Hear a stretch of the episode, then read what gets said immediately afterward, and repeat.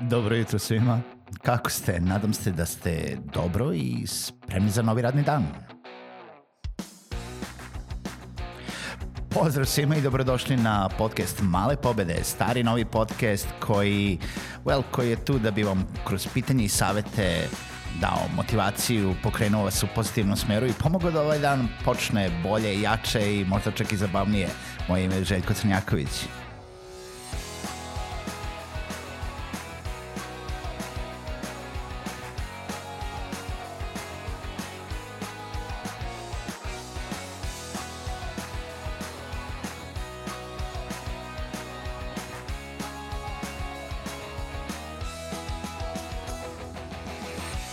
Pozdrav svima, dobro jutro i dobrodošli u još jednu epizodu podcasta Male pobede. Moje ime kao i uvek je Željko Crnjaković i ja sam domaćin na ovom vašem podcastu koji vas vodi kroz svet poslovanja, svet digitala, svet freelancinga pa i drugih malih pobeda u životu koji vas mogu dovesti do velikih dostignuća.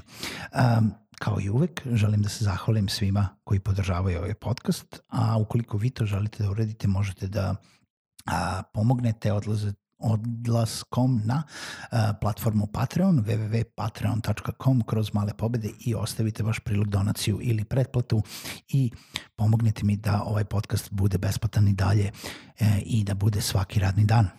Uh, danas, juče smo pričali o radu na daljinu, a danas želim da pričamo o nekoj grupi ili nekoj podgrupi koja spada u taj rad na daljinu, ponekad su to e, zaposleni u firmama, ponekad su to freelanceri, češće su verovatno freelanceri. E, znam da neki od vas slušaju ovaj podcast, a radi se naravno o digitalnim nomadima. I u kom momentu se digitalni nomadi razlikuju od jel da, nekih uh, generalnih i opšte prihvaćenih sad uh, samih uh, tih floskula i postulata koje smo rekli da važe za rad na daljinu i šta je to tako posebno kod termina digitalni nomad. Digitalni nomad jeste osoba koja putuje svetom i radi svoj posao.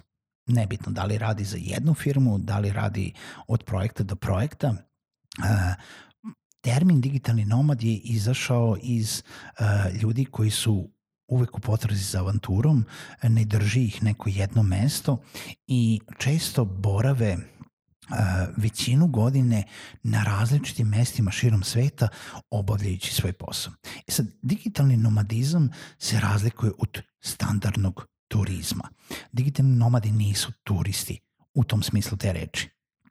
Mislim, vi kad ste turista, realno odete na neko mesto da se odmorite, odete na nedelju, dve nedelje dana, možda čak i mesec dana i primarna svrha vašeg odlaska na to neko uh, mesto jeste da ne samo da se odmorite, možda da vidite, ali na neki način da uživate. Uh, vi odlazite u neki motel, hotel, hostel, uh, Airbnb, neki smeštaj koji će vam doneti neku lagodnost i jel da, malo će vas izbaciti neke rutine e, i onda ćete se vratiti nazad na posao kući i nastaviti da radite svoj posao.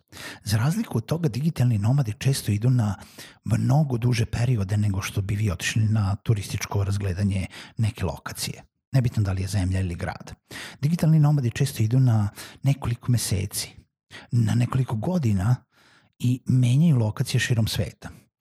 Baš zato što kao i nekada nomadi koji su bili, ne možemo konkretno nazvati da se oni vraćaju kući. Mislim, imaju, svako ima svoju kuću, ali oni nisu otišli na dve nedelje pa su se vratili kući i ostali tu godinu dana.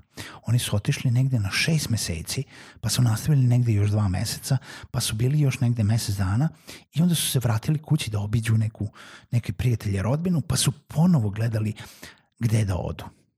Mesta gde oni odlaze, nebitno da li je to sad digitalni nomadi koji idu na Tajland ili digitalni nomadi koji idu u Španiju ili u Barcelonu ili ne znam nijegde, nisu klasična turistička mesta, nisu to uh, hoteli, moteli i tako dalje. To su uh, mesta koja su adekvatna za duži boravak.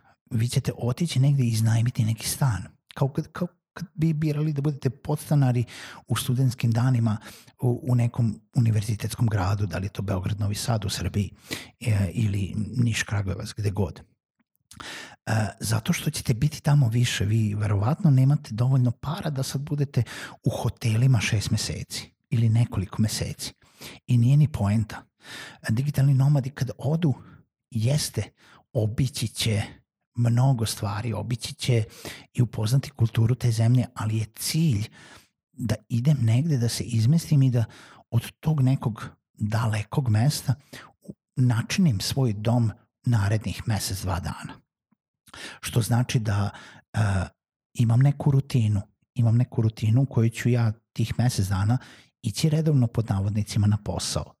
Da li ću raditi iz kafića ili ću raditi iz nekog coworking prostora ili ću raditi iz tog smeštaja da sam otišao i onda u to neko slobodno vreme ću iskoristiti da obiđem neka mesta turistički. Možda ću uzeti nedelju dana i obići nešto ono kompletno samo turistički, ali poenta nomadskog odlaska negde jeste da ja idem tamo na duži period i idem konkretno da stvorim neku atmosferu rada i neke prihvatljive uslove u kojima ja mogu dugoročno da obitavam jel da, i da, da mi postane neka rutina. Mi kad odemo u turistički negde, to nikad nije rutina. Sa, sa tom razlikom da, znači, nomadi idu sa tom namerom. Mi nomade, digitalne nomade smatramo avanturistima, zato što za razliku od klasičnih turista, ako niste pravi digitalni nomad, ako niste spremni da odete u tako neki uh, možda siromašniji deo uh, gde će biti cene prihvatljivije, gde ćete vi ići zato da stvarno upijete lokalnu kulturu, a ne da odete turistički u razgledanje, onda uh, ste više turisti nego što ste nomadi. Ako niste otišli baš negde kompletno da se izdvojite i da prihvatite da ste otišli tamo da radite, i dalje svoj posao koji vam ova digitalna ekonomija i digitalno um, globalno društvo dozvoljava da radite sa bilo kog mesta.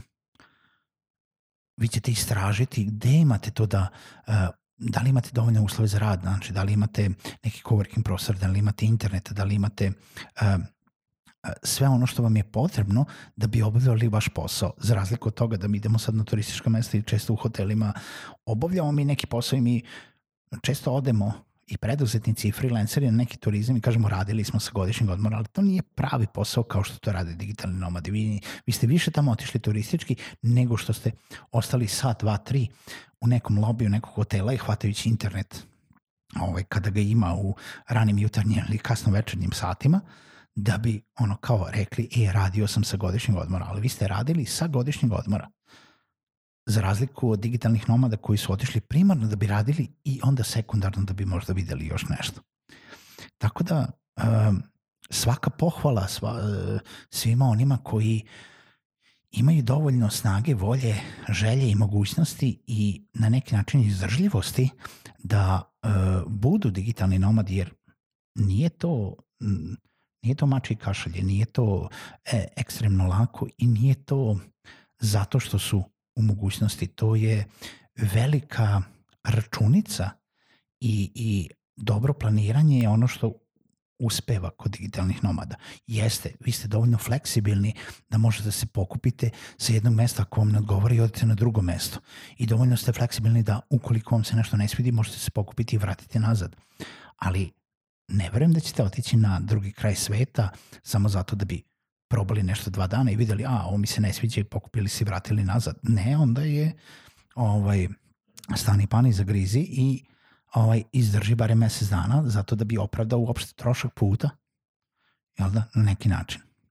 Tako da ova epizoda je shout out i pozdrav svim digitalnim nomadima širom sveta koji slušaju podcast Male pobede, pa i onima koji su trenutno kući i slušaju, znam da nekoliko a, vas je tu na podcastu. A, kažite mi Uh, ukoliko sam nešto pogrešio, ako treba nešto da dodam, slobodno iskomentarišite u opisu uh, ovog podcasta. A ako nisam, ako sam sve dobro radio, kažete mi gde je vaša sledeća destinacija i gde planirate da putujete naredno. Čujemo se u narednoj epizodi podcasta Male poglede.